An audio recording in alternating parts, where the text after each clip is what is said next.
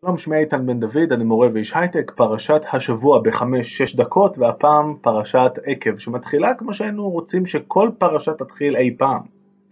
והיה עקב תשמעון את המשפטים האלה, ושמרתם ועשיתם אותם, ושמר אדוני אלוהיך לך את הברית ואת החסד אשר נשבע לאבותיך, ואהבך וברכך והרבך, וברך פרי בטנך ופרי אדמתך, דגנך ותירושך ויצהריך, שגר אלפיך ועשתרות צונך על האדמה אשר נשבע לאבותיך לתת לך. ברוך תהיה מכל העמים והרשימה ממשיכה, איזה כיף סוף סוף, כי אנחנו כל כך רגילים לכל הכעס וההאשמות והעונשים, איזה יופי פשוט להתחיל בחיובי. אבל לאורך כל הפרשה הזאת תלווה אותנו המילה השנייה, והיה עקב תשמעון, כל הברכות האלה, הכל על תנאי, רק אם אה, ובגלל שאנחנו נשמע למצוות האלה. אם נעשה את זה, הכל יהיה בסדר, ונזכה בפרס הגדול. מה הפרס הגדול? להגיע לארץ ישראל כמובן. ומה קורה בארץ ישראל? ארץ טובה, ארץ נחלי מים, עיינות ותהומות, יוצאים בבקעה ובהר, קודם כל מים, חבר'ה, אני יודע שחם לכם פה 40 שנה במדבר, תדעו לכם קודם כל, מלא מים. ארץ חיטה ושעורה וגפן ותאנה ורימון, ארץ זית שמן ודבש, ארץ אשר לא במסכנות תאכל בלחם, לא תחסר כל בה. זאת, לא, אני יודע שאתם לא רק צמאים, אתם גם רעבים, אל תדאגו, אחלה ארץ שבעולם. וזה כמובן אה, באמת אה, נכון, ולא חייבים אה, כמוני לעשות את שביל ישראל חודשיים נפלאים בחיים, שבהם לחרוש את הארץ לרוחבה ולאורכה עם אנשים נפלאים ומראות נהדרים, כדי להעריך את הפסוקים האלה ואת היופי של, של הארץ שלנו. אבל שוב, העקב הזה מההתחלה יחזור ולווה אותנו לאורך הפרשה, כי הדבר הבא שאנחנו, שיגידו לנו בצורה מאוד ברורה, זה חבר'ה, אתם לא מקבלים את זה ככה על סתם ועל, ו, וסתם כי אתם נחמדים ובגלל העיניים היפות שלכם. לא בצדקתך וביושר לבביך אתה בא לרשת את ארצם, כי ברשעת הגויים האלה אדוני אלוהיך מורשם מפניך. ולמען הקים את הדבר אשר נשבע אדוני לאבותיך לאברהם ליצחק וליעקב ועוד בהמשך כעם כשעורף אתה. זאת אומרת, אתם לא בדיוק זכאים לדבר הזה במאה אחוז, וזה בטח לא מובטח לכם שזה יישאר ככה לנצח. כמו שהגויים האלה שעכשיו אני מגרש משם כדי שאתם תוכלו להיכנס, אני מוציא אותם משם לא כי סתם נגמר להם הזמן ועכשיו הגיע תורכם וזהו, לא. כי ברשעת הגויים האלה, הם לא מתנהגים יפה והם חוטפים את העונש הזה. יש משהו מאוד מיוחד אה, בארץ הזאתי, אוקיי? שגורם לזה שמי שלא זכאי לה, יעוף ממנה, ולמי שלא הבין את הרמז הזה כאן, זה כתוב גם בצורה מאוד מפורשת במקומות אה, אחרים בפרשה, עם איומים הרבה יותר מפורשים למה שיקרה לנו אם לא אה, נמלא את המצוות האלה.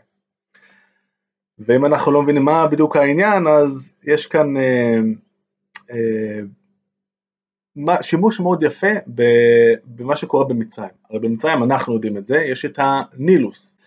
מגיע כל הדרך אה, מאתיופיה, זורם, הרי כל האוכלוסייה במצרים מרוכזת אה, פחות או יותר או על גדות הנילוס או פחות או יותר אה, בדלתא, המים מגיעים בחינם, לא צריך לסמוך על הגשמים, מה גם שאין גשמים, ורק צריך לקחת כל פעם לבנות תעלות שיביאו את המים מהנילוס אליך לגינה ואתה מסודר.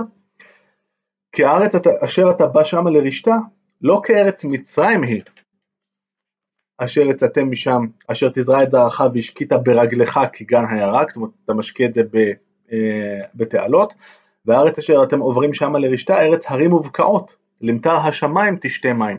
אתם הולכים להיות מאוד תלויים בגשם, שמגיע מהשמיים, ומי ששולט בו זה כמובן אלוהים. והנה הקאץ', ארץ אשר אדוני אלוהיך דורש אותה, תמיד עיני אדוני אלוהיך בא מראשית השנה ועד אחרית שנה, ואם אתם תהיו טובים, ויש כאן את הקטע שאנחנו מכירים מקריאת שמע, ונתתים את ארצכם בעיתו, יורה ומלקוש, והכל יהיה בסדר, ואם לא, ועצר את השמיים, אלוהים יעניש אתכם, כי פה אתם כבר לא תלויים בנילוס, שתמיד נותן לכם אספקת מים קבועה, אתם תלויים בגשמים, ואתם תלויים ברצונו הטוב של אלוהים, וזה הכל תלוי בכם.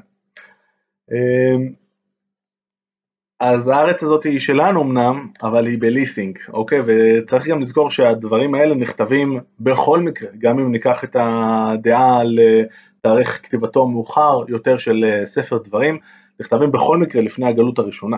לפני הגלות של בית ראשון, ההבטחות האלה לזה שאם אנחנו לא נהיה מספיק טובים אנחנו פשוט נועף מכאן לכל הרוחות, זה בכל מקרה נכתב לפני שחווינו אפילו את הגלות הראשונה, צריך גם את זה לזכור.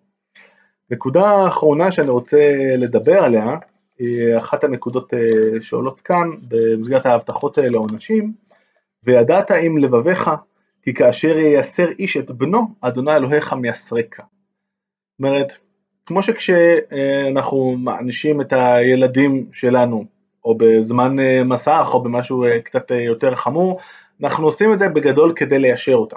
זה לא עניין של נקמה, זה לא עניין של רוע לב מצידנו, זאת גם מערכת היחסים, אומר לנו אלוהים, ביני לביניכם. בעצם אם נחשוב על זה יש לנו שתי מטאפורות עיקריות שעולות ב, ב, בתפילות ובמסורת שלנו לתאר את היחסים שלנו עם אלוהים, או בן ואב, או מלך ועבדים.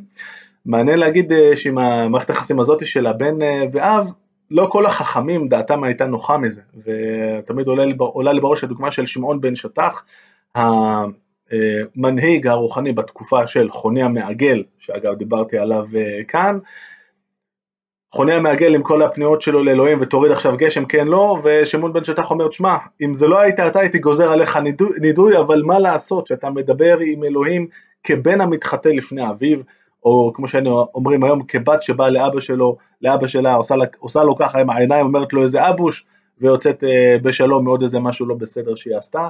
מערכת היחסים הזאת בקיצור יש בה חסרונות אלוהים יכול לייסר אותנו כמו אב שמייסר את בנו אבל יש גם יתרונות כי אנחנו יכולים לפנות אליו לרגש לפחות פעם בשנה בימים הנוראים להגיד לו איזה אבוש קטן ולצאת מזה בשלום עד הפעם הבאה. אז יש לנו ארץ נהדרת אבל בסוג של ליסינג, שנזכור את זה ושנהיה טובים, שבת שלום.